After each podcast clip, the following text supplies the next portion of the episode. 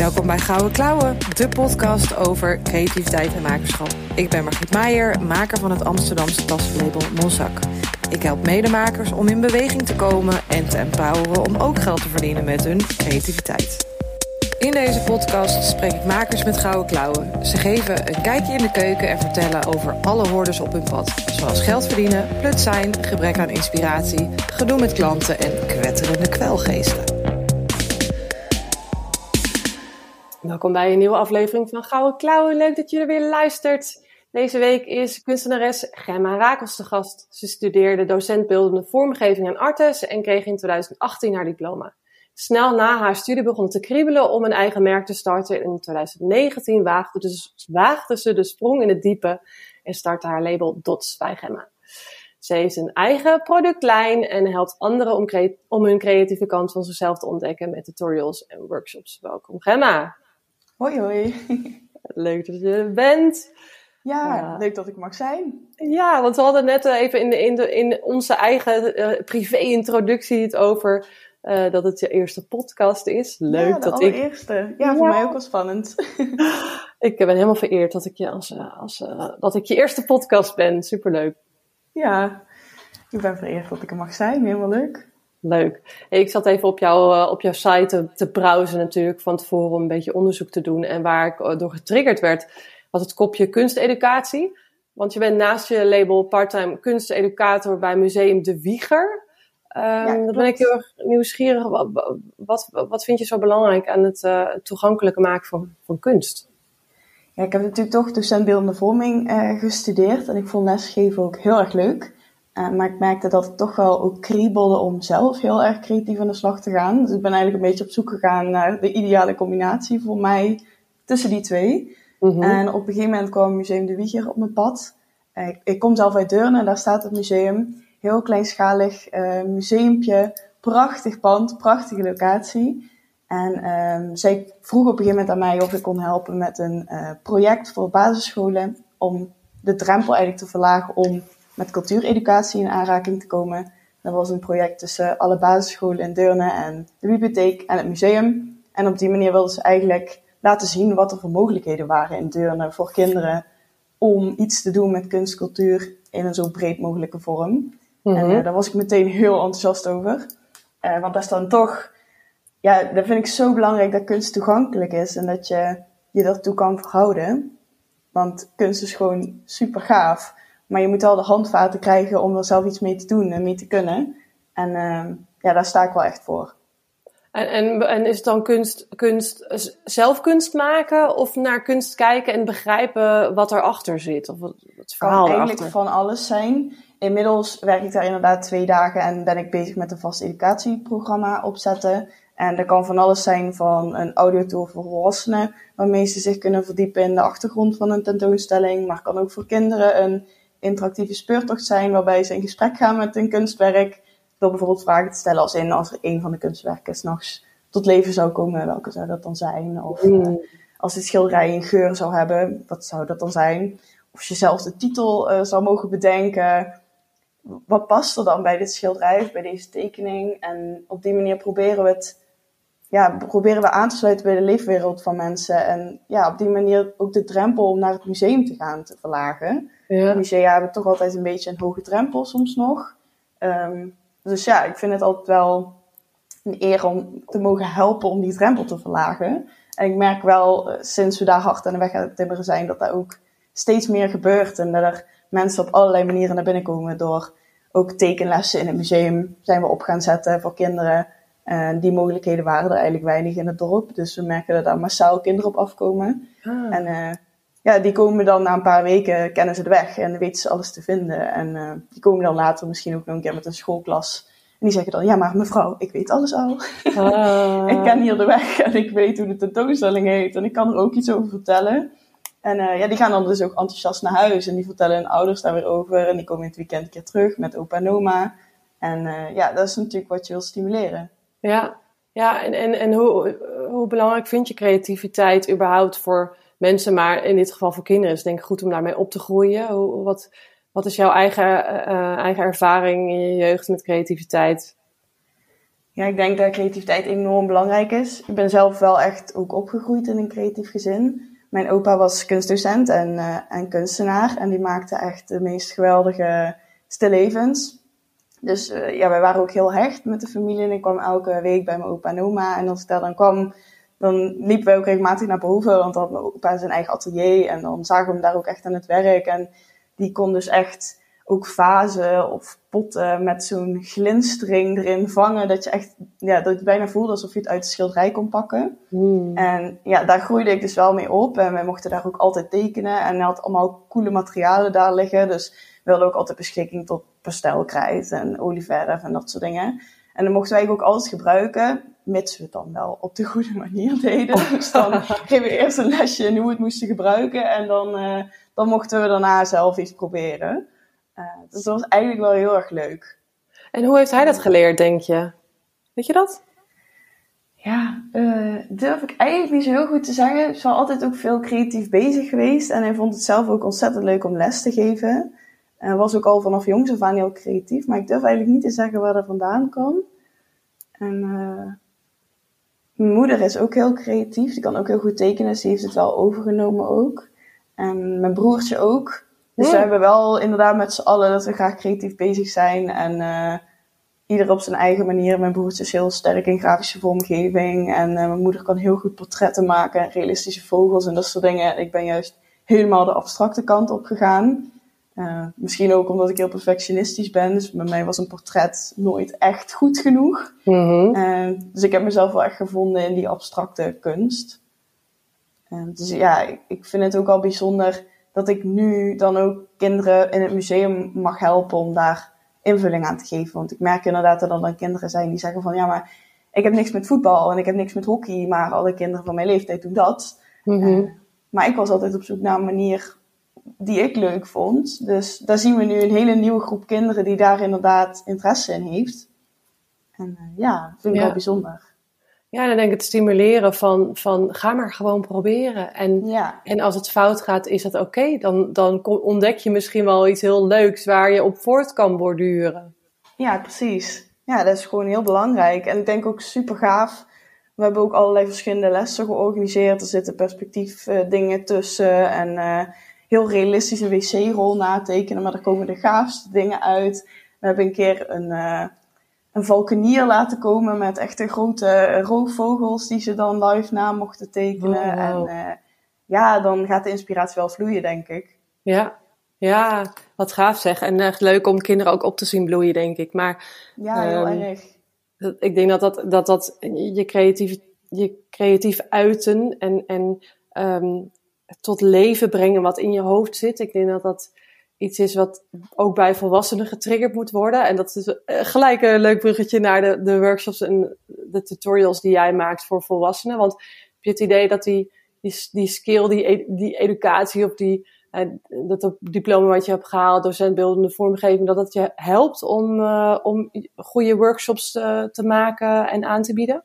Ja, wel enorm. Wij werden daar wel echt uh, gestimuleerd om elke week tegen presentaties te geven. En we liepen heel veel stages. Ik ben eigenlijk wel altijd gewend om gewoon voor een groep gegooid te worden.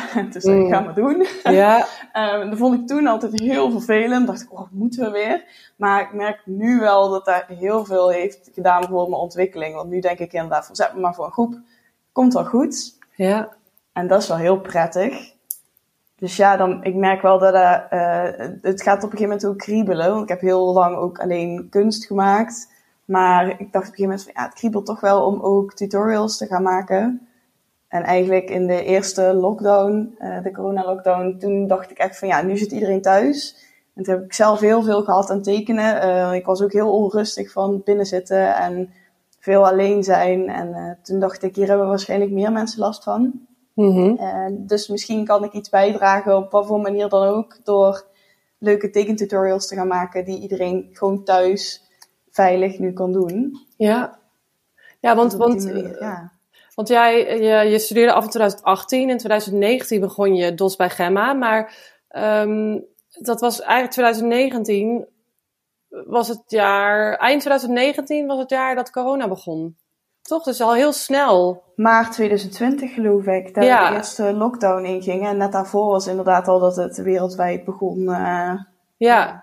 Maar, maar dus eigenlijk heel snel in jouw carrière, in jouw, in jouw eh, label, eh, was er al corona. Het is best wel een gek, idee, lijkt me dat. Dat dat je ehm, dan ook al heel snel denkt in, oh, ik kan iets online gaan aanbieden. Want, want heb jij daarvoor workshops live gegeven aan mensen?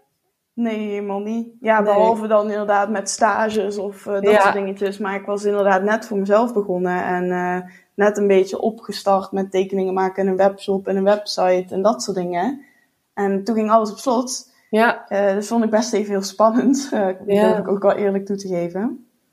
En ja, was sowieso voor het museum spannend, want daar zat ik toen ook net. Ja. En daar moest allemaal dicht. En ik had net een eigen bedrijf en toen dacht ik, ja, eh, en nu? ja, ja. Dus, maar je, je, je, je, je, de, je ondernemersgeest kwam naar boven en je dacht, ik, ga, ik moet hier iets mee. Of in ieder geval, je, je hart, je hart Ja. sprak, ik wil mensen, mensen ehm, helpen in deze tijd. Of in ieder geval ehm, iets leuks geven. Eh, laat, ik, eh, laat ik mijn skill eh, met ze delen. Ja. Ja, ik ben toen in eerste instantie gewoon een paar video's op gaan nemen waar ik een van mijn tekeningen zat te maken op redelijk lage speed, zodat mensen echt konden zien van hoe doet ze het nou, met ook uitleg Mhm. erbij. En die filmpjes werden echt zo vaak bekeken. Eh, ik schoot echt door Instagram-algoritme heen en nou, dat, ik wist gewoon even niet wat ik ermee aan moest. Eh, dat in mijn telefoon gewoon de hele dag rood gloeiend stond.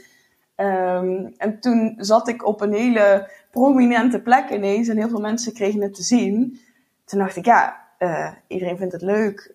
Eh, ik moet hier iets mee. En ik dacht, het kriebelt bij mezelf ook wel om hier iets mee te doen. Dus toen ben ik mijn eerste eh, tutorial booklet eigenlijk gaan maken.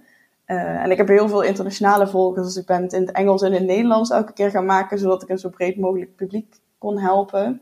Mhm. En zodra ik het eerste boekje live had gezet, toen zat ik s'avonds op de bank. En ik had het helemaal niet duur gemaakt, 5 euro. En, het- en ik dacht, nou, dan kunnen mensen inderdaad gewoon even uitproberen voor de leuk. En ik zat op- s'avonds op de bank en ik hoorde echt zo pling, pling, pling, pling, pling. en ik dacht, wat overkomt mij nou? Ik was helemaal, ik was helemaal flabbergasted eigenlijk door het feit dat het zo hard liep. Maar iedereen had zoiets van, ja, we zitten thuis. Je maakt hartstikke mooie dingen. Dat wil Ja. ik ook proberen. En ik wil ook echt laten zien met mijn kunst dat je met een heel simpel stuk papier uit je printer en een balpen kun je ook super gave dingen maken. En je hebt echt geen dure materialen of ingewikkelde technieken eh, nodig. Eigenlijk is mijn key gewoon herhalen, herhalen, herhalen. Ja, Eh, of het nou een bolletje, een puntje, streepje, eh, maakt niet uit. En eentje ziet er inderdaad niet indrukwekkend uit, maar in zijn geheel eh, ja, wel. Wat gaaf zeg. Heb jij, en eh, heb jij toen in die tijd ook zoveel volgers erbij gekregen? Want als je naar Gemma account gaat, zou ik sowieso even doen haar Instagram account. Want daar staan zoveel vette video's inderdaad op waarop ze laat zien eh, hoe ze haar werk maakt. Hele mooie, ja, aquarel gebruik je ook veel, toch? Ja. Of, ja, ehm, waterver- waterverf. Ehm, ehm, of, of in ieder geval met water. En ik zie je ook met een, met een föhn aan, aan, het, aan het werk. En het is echt super eh, ook ontspannend om naar te kijken. Maar was het in die, in die begintijd van corona dat je, dat- want je hebt enorm veel volgers, dat je die toen hebt gekregen? Ja, klopt. Da- Ja, ik durf het eigenlijk al niet meer te zeggen, maar eh, ik ben begonnen met mijn account in eh, 2017 of zo. Toen ik op de academie zat, toen dacht ik, oh, is wel leuk, ga af en toe een fotootje delen. En ik ben actief echt gaan posten toen ik tot bij Gemma wilde beginnen. En ik ben gewoon heel gestaag gegroeid. En in het begin ging het heel langzaam en op een gegeven moment ging het heel hard. En ik denk wel dat inderdaad die eerste eh, tutorial video's die ik toen heb gemaakt, die werden inderdaad zo goed bekeken. En ik heb soms ook wel het idee dat hoe groter je bent, hoe makkelijker het dan is om te denken, Mm. oh ja, ook volgen. Ja. Ehm, dus ik denk wel dat het toen inderdaad in een soort stroomversnelling eh, is gekomen. Maar ja, soms geloof ik het zelf ook nog niet helemaal. Hoeveel Mhm. mensen er dan meekijken. Nee. Nee, dat is ook een beetje. Dan kijk je naar cijfers en dat zegt zo, het zegt zo weinig. Je ziet de mensen niet. Dus het is zo Nee. eh, abstract dan, hè? Ja, precies. Ja. Het is toch maar een nummertje wat daar bovenin het scherm staat. Maar het werd wel een steeds groter nummertje. Dus eh, Ja. ja. Hey, en, en um, want we hebben het dan net al even over je, over de, je, je kunstvorm. Maar um, op je site beschrijf je uh, dat de kunstvorm een manier is om je te ontspannen en telkens dezelfde handeling te doen. je werd ook gekscherend monnik genoemd door je medestudenten, heb ik gelezen. kun, je, ja, kun je iets, omschrijven voor mensen die het nog niet hebben gezien, hoe dat er ongeveer uitziet en, en waarom het zo ontspannend voor je is? Um, ja, voor iedereen die mijn werk dus niet kent, ik maak lijn- en patroontekeningen. Eigenlijk ben ik gewoon een line- en pattern lover, zeg ik altijd. op de academie ben ik daar dus mee begonnen als afstudeerwerk. En het kwam er eigenlijk op neer dat ik een tafeltje in een atelier had. En dat stond mooi zo in het hoekje. En ik ben tekeningen gaan maken met uh, lijnen, uh, stippen. En dan gewoon herhalen, herhalen, herhalen. En eigenlijk dat er een soort landschap ontstaat van simpele vormen. En eigenlijk door te herhalen wordt het een soort ritme. En werkt het dus ook heel meditatief. En ik kon dus mezelf echt uren opsluiten in de atelier. En dan zet ik een muziekje aan. En dan was ik urenlang, dagenlang, wekenlang soms zelfs met hetzelfde patroon bezig. En dan was ik ook echt in mijn eigen wereldje. Was ik even helemaal uh, mijn eigen ding aan het doen. En daarom kreeg ik inderdaad ook de bijnaam de monnik. Want ik had gewoon uh, engelen geduld, vond iedereen. Uh, heb ik alleen op het gebied van tekenen, by the way. Maar ja, als ik zit te tekenen heb ik wel echt dat ik even in mijn eigen zoon ben. En gewoon helemaal ja, daarop kan focussen en ook even daarin kan verdwalen bijna. Ik weet ook niet hoe dat voor jou is. Je herkent dat waarschijnlijk ook heel erg. Dat als je aan het maken bent, dat je... Ja, zeker. Ja, dat het een lekker rustmomentje ook is. Ja, absoluut. En, en het, het is, ik maak, uh, ik vind het fijn om, ja, dat, dat heb jij dan misschien ook wel, om toch in, in bepaalde kaders te maken. Dus in jouw geval zijn het lijnen en een herhaling daarin. En ik vind het ook heel fijn om, om dezelfde tas weer opnieuw te maken, dan wel weer in een nieuwe leer. Maar juist wanneer ik de rugtassen maak, dan uh, ja, is er weinig uh, hyperfocus in mijn hoofd nodig, omdat het ook wel een beetje automatische piloot is. En dan kan ik inderdaad gedachten op een rijtje krijgen en, en dingen verwerken. En dat kan ik niet als ik uh, heel gefocust tekst aan het schrijven ben of op mijn website aan het bouwen ben. Of, dus dat soort momenten heb ik echt nodig. Dat zijn ook eigenlijk de enige momenten in mijn werk waar ik een podcast op kan zetten. ja, heb ik eigenlijk hetzelfde. Want anders dan hoor ik het wel, maar ik luister niet echt, zeg maar. Nee. Dus dan ben je het daarna, denk je, waar heb ik nou eigenlijk gehoord? Ja, inderdaad. Ja. Maar, eh, dus het is, dus het is, het is, het is iets meditatiefs wat, wat, wat denk ik ook heel belangrijk is in deze tijd. Um, um, het, maken is iets waar je, waar je echt in je handen gaat. Dat merk ik ook met workshops, dat mensen, dat het op een gegeven moment stil is in het atelier, dat iedereen zo gefocust aan het werk is. En op een gegeven moment wordt iemand zich bewust daarvan en die zegt, oh, het is het stil hier. Dan zeg ik, ja, precies waar we moeten zijn met z'n allen. Ja. ja, had ik een tijdje geleden inderdaad ook dat ik een workshop gaf en het was gewoon muisstil.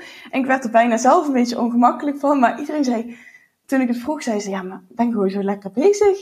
En uh, die zei na anderhalf uur ook van, nou, mag ik nog anderhalf uur? Want het was zo, uh, zo relaxed en zo zen. En uh, ja, dat is gewoon ook heel fijn om te horen. Want dan zie je dat je dus echt heel lekker bezig kan zijn daarmee. En dat je echt even in jezelf daarmee bezig bent. Ja, ja. ja dat, dat, we niet de enige zijn die dat kunnen en doen. Nee. Dat dat voor iedereen kan. Zeker, ja. Hey, en als jij, als jij maakt, is het dan, dan kom je dan juist door in zo'n meditatieve staat te komen in een soort, in een soort flow? Of dat je echt tijd vergeet en, en, hoe ervaar jij dat? Uh, ja, ik kan inderdaad wel echt de tijd verliezen. Ik pak ook vaak als ik weet van ik wil vanmiddag lekker uh, gaan tekenen en ik wil lekker nieuwe dingen gaan maken, dan ga ik s'morgens mijn mail bijwerken en zorgen dat alle facturen betaald zijn. En dat soort zakelijke dingetjes doe ik dan mm -hmm. allemaal s'morgens, zodat ik smiddag inderdaad kan zeggen van nou, ik ga even lunchen. En daarna ga ik dan zitten tekenen. En dan heb ik ooit een paar uur later dat mijn maag begint te knorren of zo. En ik denk van, hoe kan dat nou? En dan kijk ik op de klok en is het inderdaad al super laat. Ja. ja. ja, dus ja, kan ik wel echt de tijd in verliezen. En, en wanneer, uh, hoe ben je erachter gekomen dat je, dat je je energie op die manier het beste kan verdelen? Want uh, ik deel daar ook wel eens over op de Makerscoach uh, Instagram. Over, over wanneer je het beste dingen op een dag kan doen. En, en um, ik ben ook iemand die beste kan schrijven en gefocust werk in de ochtend kan doen. Ik doe ook echt van die allerstomste dingetjes probeer ik uh, gelijk te doen, zodat ik daar ook maar vanaf ben. Maar is dat, uh, duurde dat, uh, want als je ondernemer bent, dan moet je heel veel uit jezelf halen. Je werkt dan part-time twee dagen nog bij het museum, maar daarnaast ben je met je eigen onderneming bezig. Hoe lukt het je om je tijd goed te verdelen en, en, nuttig, nuttig te zijn?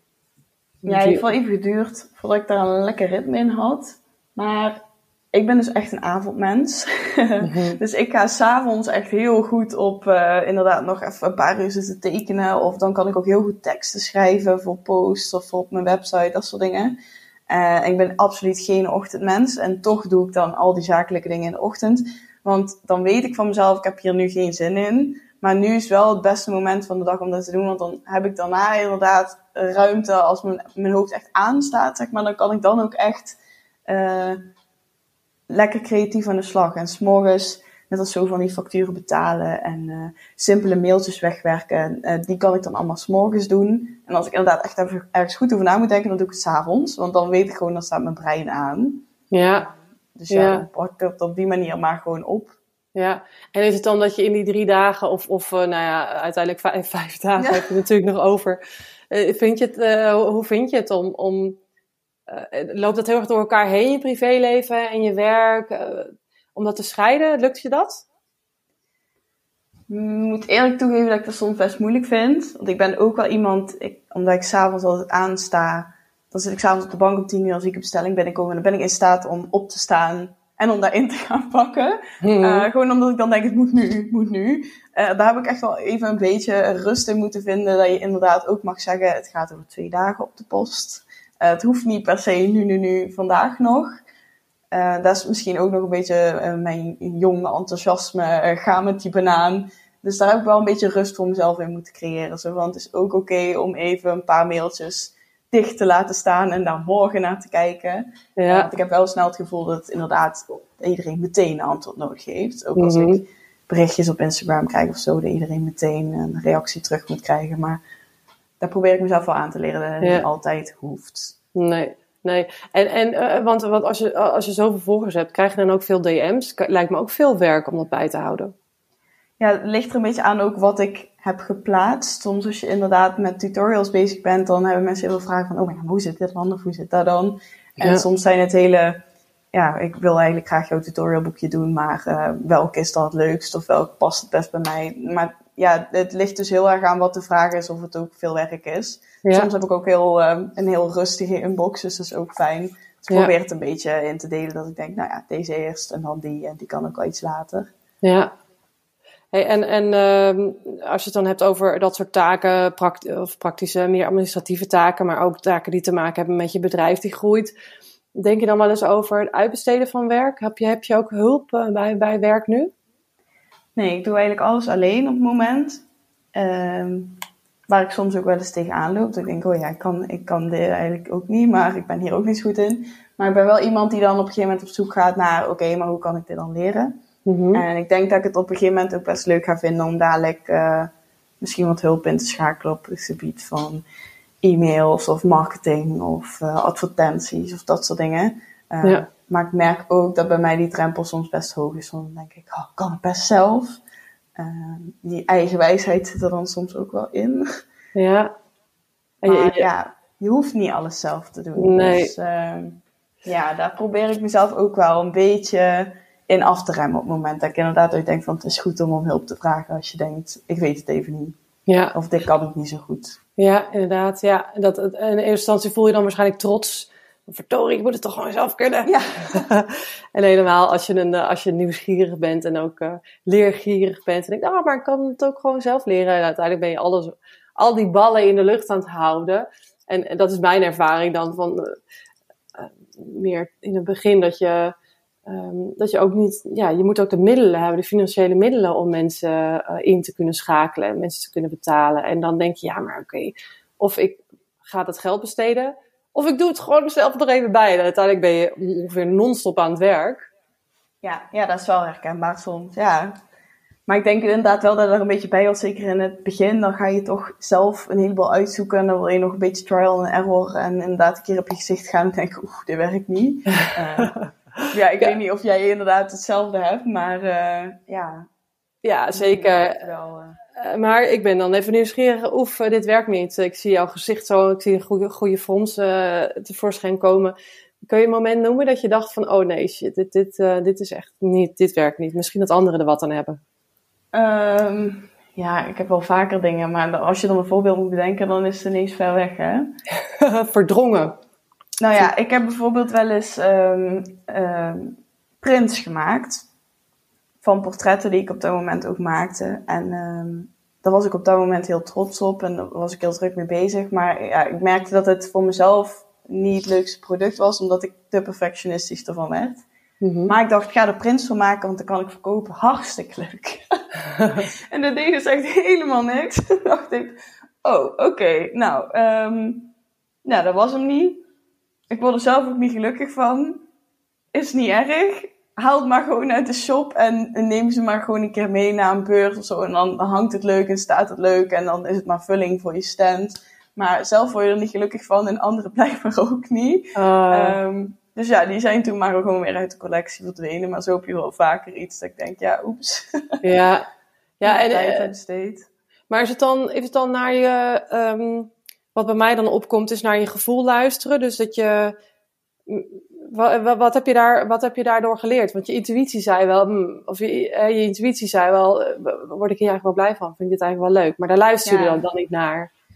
Nee, ik denk toen ik net bezig was, wil je vooral je collectie uitbreiden en wil je meer, meer, meer. En je hebt heel veel ideeën en dan pak je misschien ook alles aan. Mhm. Maar op een gegeven moment kom je erachter dat sommige producten heel goed bij je passen en heel goed werken. En andere producten ook gewoon niet, maar dat die meer als extra vulling ja. zijn bedoeld. En je leert jezelf steeds beter, beter kennen, ook door te vallen en op te staan. Ja. Dat is ook ondernemen. Mhm. Eh, dus op een gegeven moment kom je denk ik wel achter welke producten in je webshop achter zouden moeten blijven en welke gewoon plek moeten maken voor iets nieuws. Ja, ja. Hey, en en, en ehm, ehm, jezelf leren kennen, wat heeft dat jou geholpen in je ondernemerschap? In het begin was ik, ik ben heel perfectionistisch en ik wil ook graag, heel graag aan mensen hun verwachtingen voldoen. En Mhm. een controlfreak en ik hou heel van discipline. Eh, Ik hoor de coole maker. ja, ja, ja, zeker. wel. Ja, ja, daar ben ik ook echt. Eh, ik las dat ook en toen dacht ik, ja, dit past ook gewoon bij mij. Maar er zijn ook meteen de valkuilen waar ik het meest tegenaan loop, denk ik. Dat je inderdaad soms je perfectionisme los moet laten. Dat je niet te veel na moet denken over wat mensen van je verwachten. Maar dat je eerst bij jezelf moet kijken. Wat verwacht ik van mezelf en wat wil ik zelf? En dat de verwachtingen van anderen daarna komen. Ja, En dat af en toe ook oké is om controle los te laten. En als je die avond gepland had om iets te plaatsen op social media en het lukt niet, dat dat ook oké is. ja, Ehm, want dat doe je dan op dat moment als het dwars zit meer voor anderen dan voor jezelf. ja, Ehm, dus ja, ik denk dat daar, daar heb ik al een paar keer tegenaan moeten lopen. Door bijvoorbeeld eh, die portretten te maken die niet werkten. En toen, daar werd ik veel te perfectionistisch van. En toen ging ik helemaal naar het abstracte weer. En dan merk ik dat zowel bij mezelf eh, zit het dan beter. Maar dan merk ik ook dat mijn producten beter lopen. Want daar heb ik gewoon echt passie voor. En daar straal je dan ook uit. ja, ja, ja, zeker. Dat je, dat je er zelf ook in gelooft, in, in dat wat, Ja. je, wat je hebt gemaakt. Ja, ja ik, ik- eh, waar ik dan aan moet denken is, soms dan uit onzekerheid ga je dan ook allerlei nieuwe dingen starten. Of hè, als maker heb je, of creatieveling heb je duizend ideeën.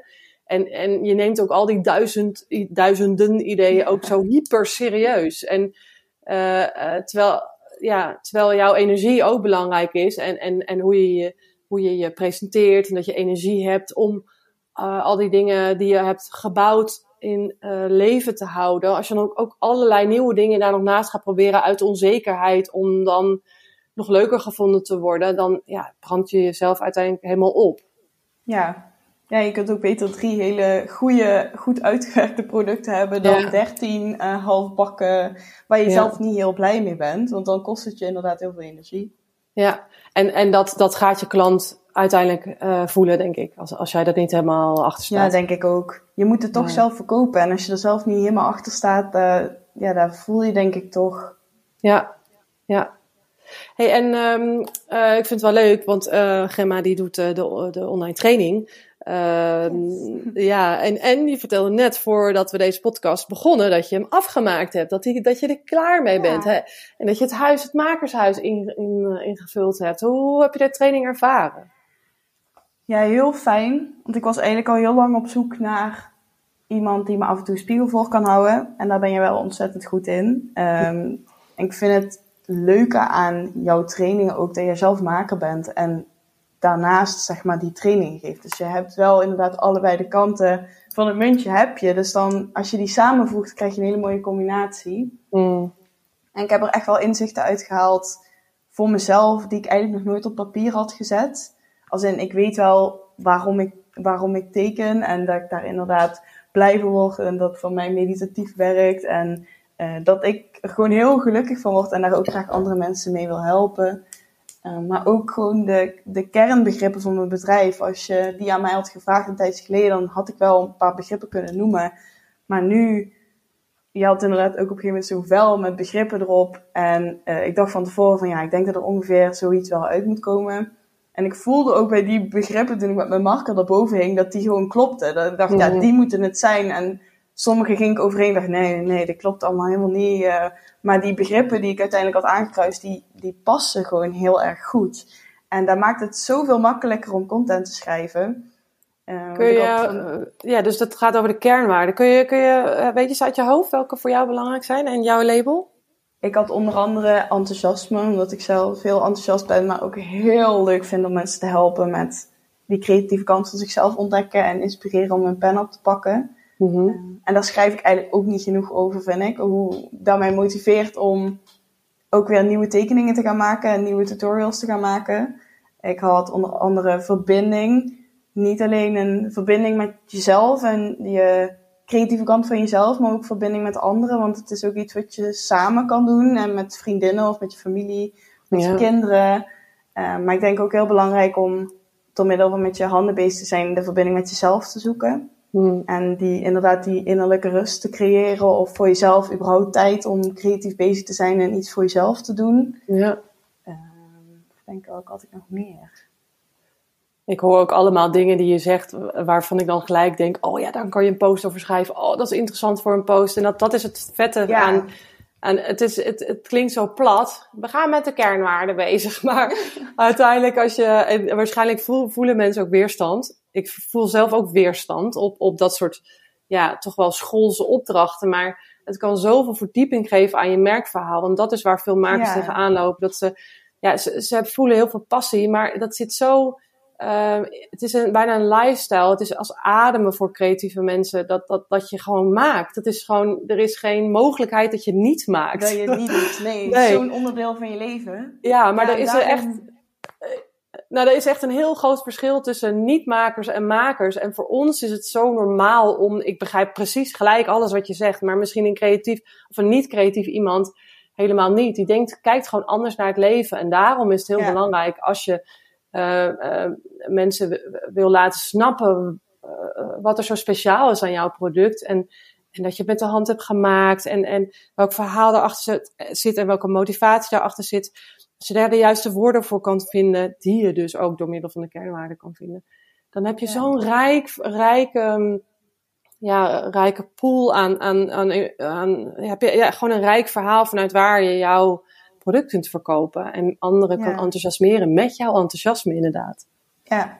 ja, en ik merkte dat ik daar heel vaak tegenaan liep. Dat ik dacht, poeh, moet ik nou vanavond weer op Instagram zetten? Ik heb niks nieuws meer gemaakt. Eh, zal ik een oude eh, post eh, nog een keer erop zetten? En nu had ik van de week inderdaad het huis ingevuld. En eh, toen liep ik ook heel enthousiast naar mijn vriend. Ik zei, ik heb, nou, ik heb net echt in twee minuten een post getypt. En die liet ik ook lezen. En die zei meteen van, ja, het is echt een superleuk stukje. Oh, En ja. dan had ik inderdaad gewoon opgehangen aan die kernwaarden. En eh, inderdaad ook aan het, het meditatieve en eigenlijk ontspanningsstukje. Daar leg ik zelf ook nooit zo heel veel nadruk op, omdat ik altijd het gevoel had dat dat iets van mij was. Dat ik daar rustig van werd en dat het voor mij fijn was om te doen. Maar ik kom er steeds meer achter dat ik daar heel veel mensen blij mee kan maken. En dat heel Ja. veel mensen het zo ervaren.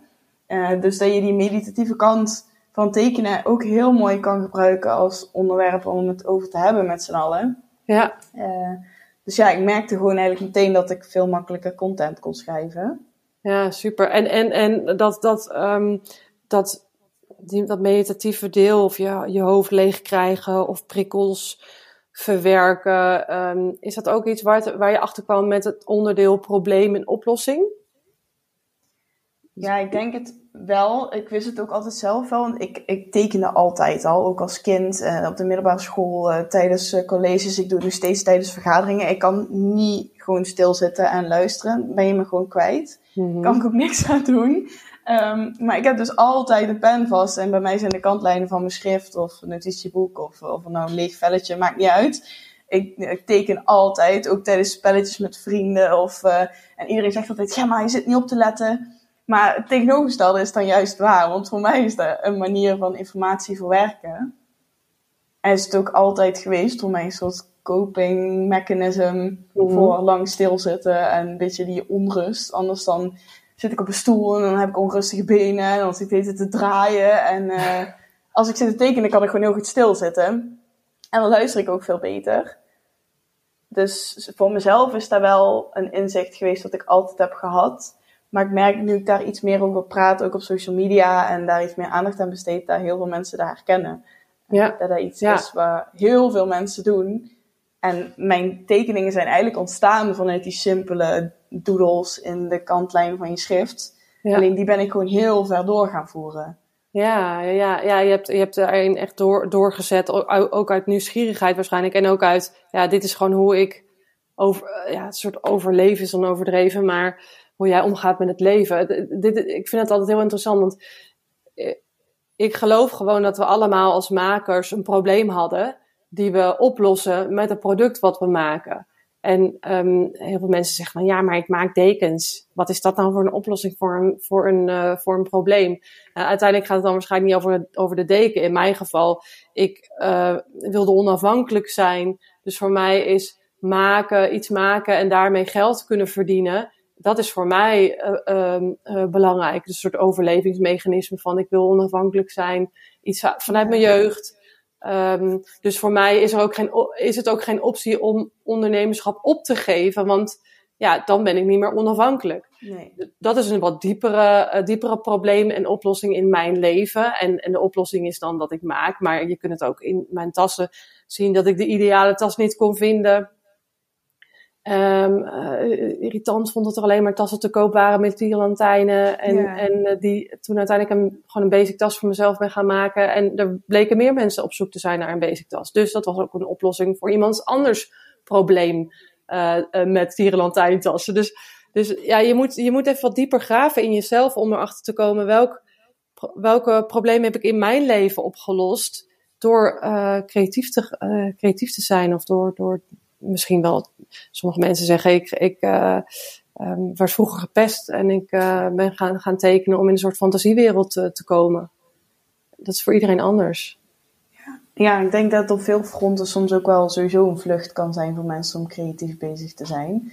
Maar uh, ik kom mezelf inderdaad ook steeds meer achter dat je dan, ja, dat, die, dat probleem wat je zelf hebt, in mijn geval is daar vaak heel veel onrust en die tekeningen, ik zie het altijd zo van als ontrafelen van alle gedachten en kronkels die in je brein zitten. Dat je die ook op papier kan zetten en dat dan ja. zo van rust wederkeert. Ja. Um, maar zo kan dat voor anderen natuurlijk net zo goed zo zijn. Maar het is ook een manier van, door te laten zien van als je zoveel puntjes zet of zoveel streepjes zet, dan komt daar uiteindelijk iets uit. En je hoeft niet altijd inspiratie te hebben of het hoeft niet altijd mooi of perfect of af te zijn, maar het proces doet er ook toe. En fysiek mm.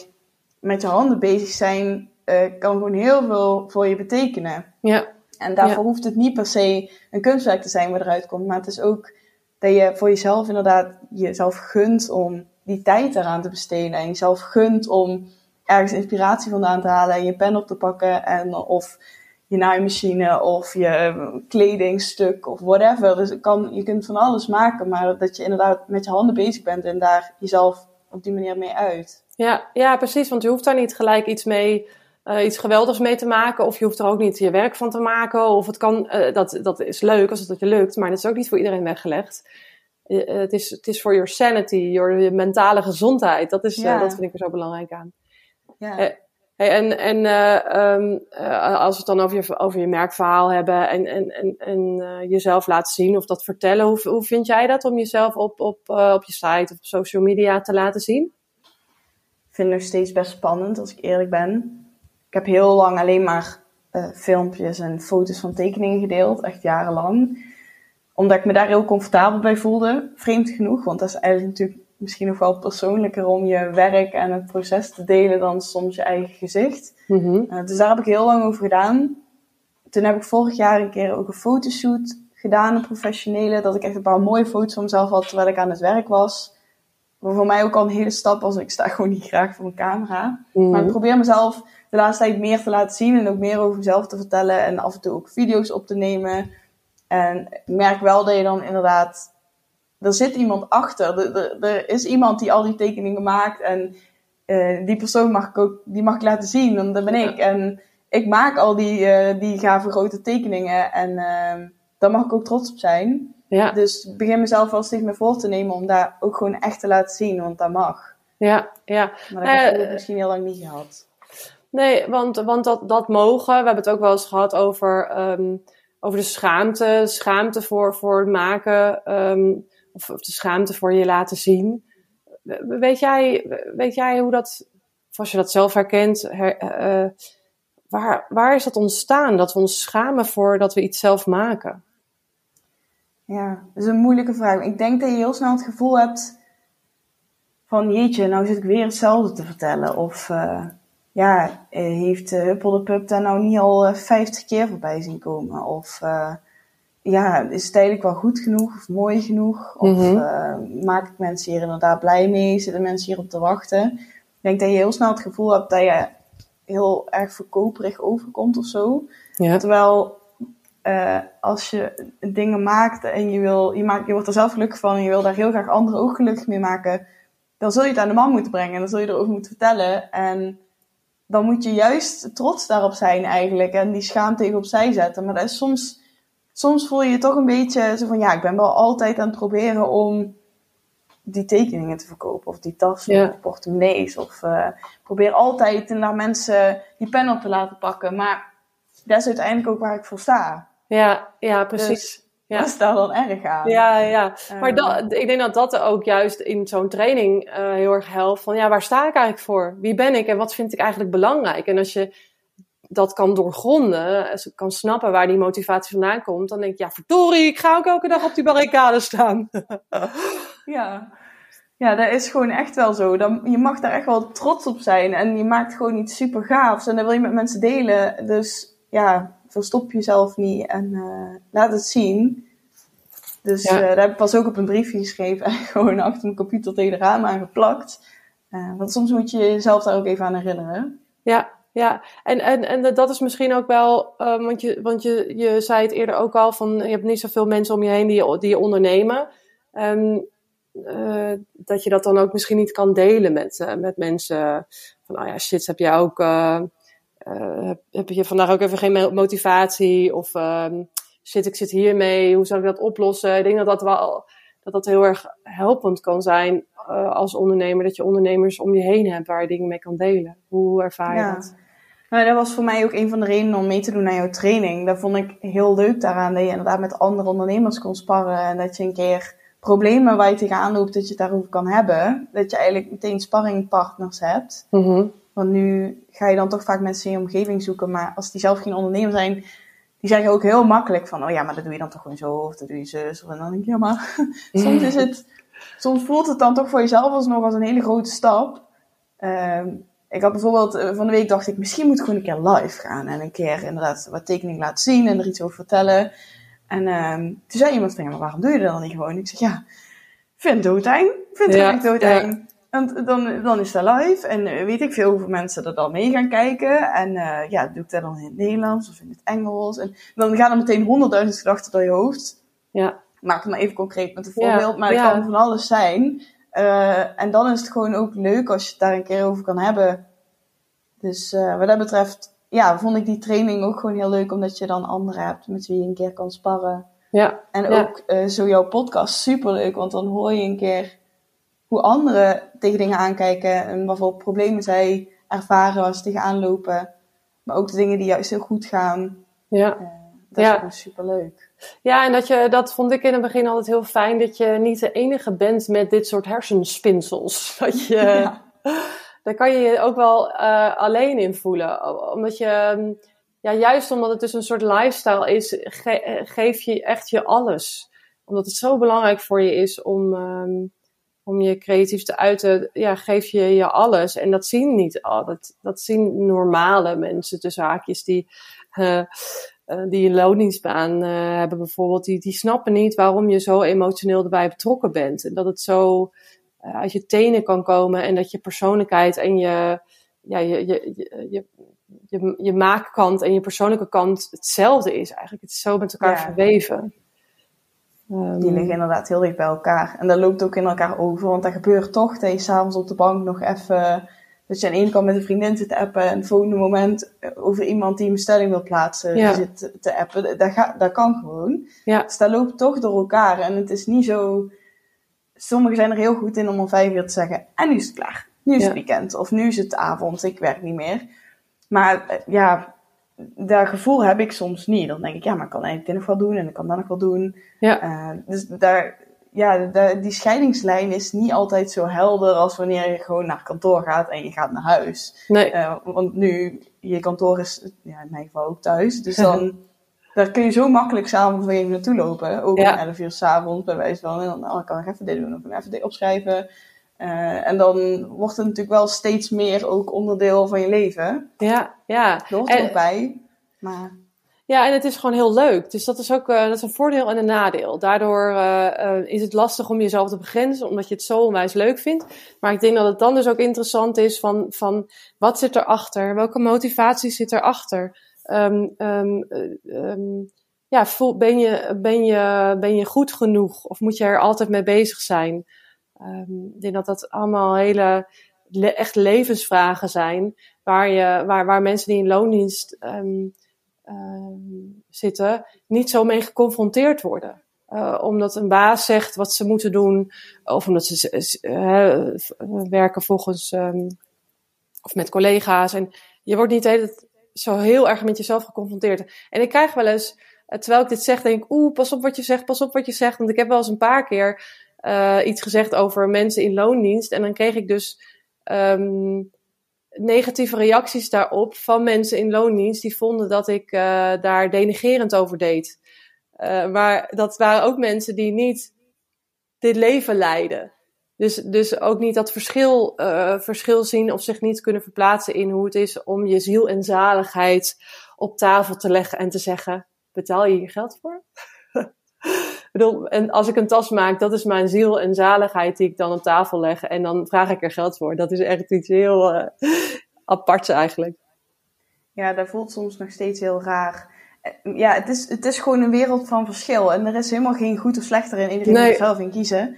Uh, maar het is vooral soms ook het stukje uh, dat je voor jezelf moet bepalen wat je, hoe je dat wil doen. Want er zijn natuurlijk mensen in loondienst die ook altijd overwerken en die ook s'avonds nog dingen doen. Dus Ja. dat is bij iedereen, dat hoort denk ik ook bij je persoon, gewoon wie je bent. Ja.